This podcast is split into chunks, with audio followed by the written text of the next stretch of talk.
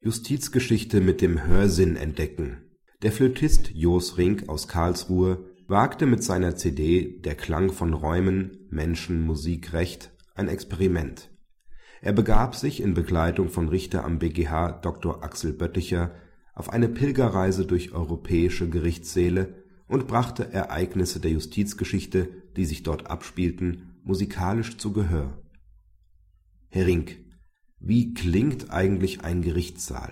Gerichtssäle klingen höchst unterschiedlich, muss ich sagen. Ältere Säle wie der Sitzungssaal der Nürnberger Prozesse oder der große Sitzungssaal des ehemaligen Reichsgerichts in Leipzig sind eher hallig und überakustisch.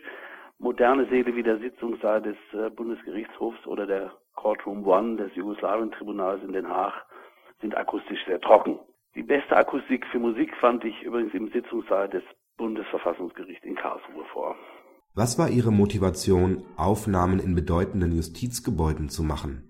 Zu Beginn des Projekts hatte ich Räume gesucht, die völlig untypisch für Musik waren, aber eine starke Ausstrahlung durch ihre Geschichte und Funktion haben sollten. Dafür war am Anfang nicht nur juristische Räume vorgesehen, nachdem ich dann aber den Bundesgerichtshof und das Bundesverfassungsgericht bespielt hatte, fragte mich Axel Bötticher, Bundesrichter am BGH und langjähriger Freund, ob es nicht Sinn machen würde, sich auf juristische Räume zu konzentrieren. So entstand die Idee zu Menschen, Musik, Recht, eine akustische Zeitreise durch die Justizgeschichte.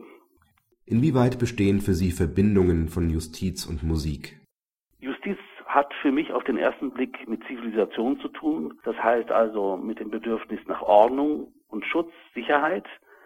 Musik mit Kultur, also mit Ästhetik, Ausdruck und Selbstverwirklichung.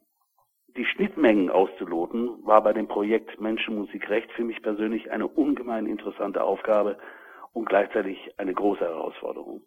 Wie beurteilen Sie Musikprojekte zur Prävention und zur Rehabilitation von Straftaten bzw. Straftätern?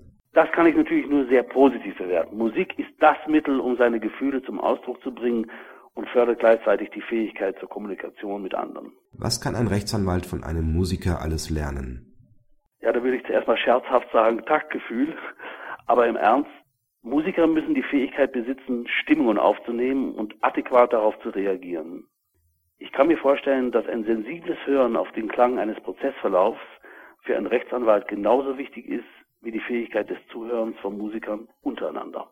Vielen Dank für dieses Interview, Herr Rink.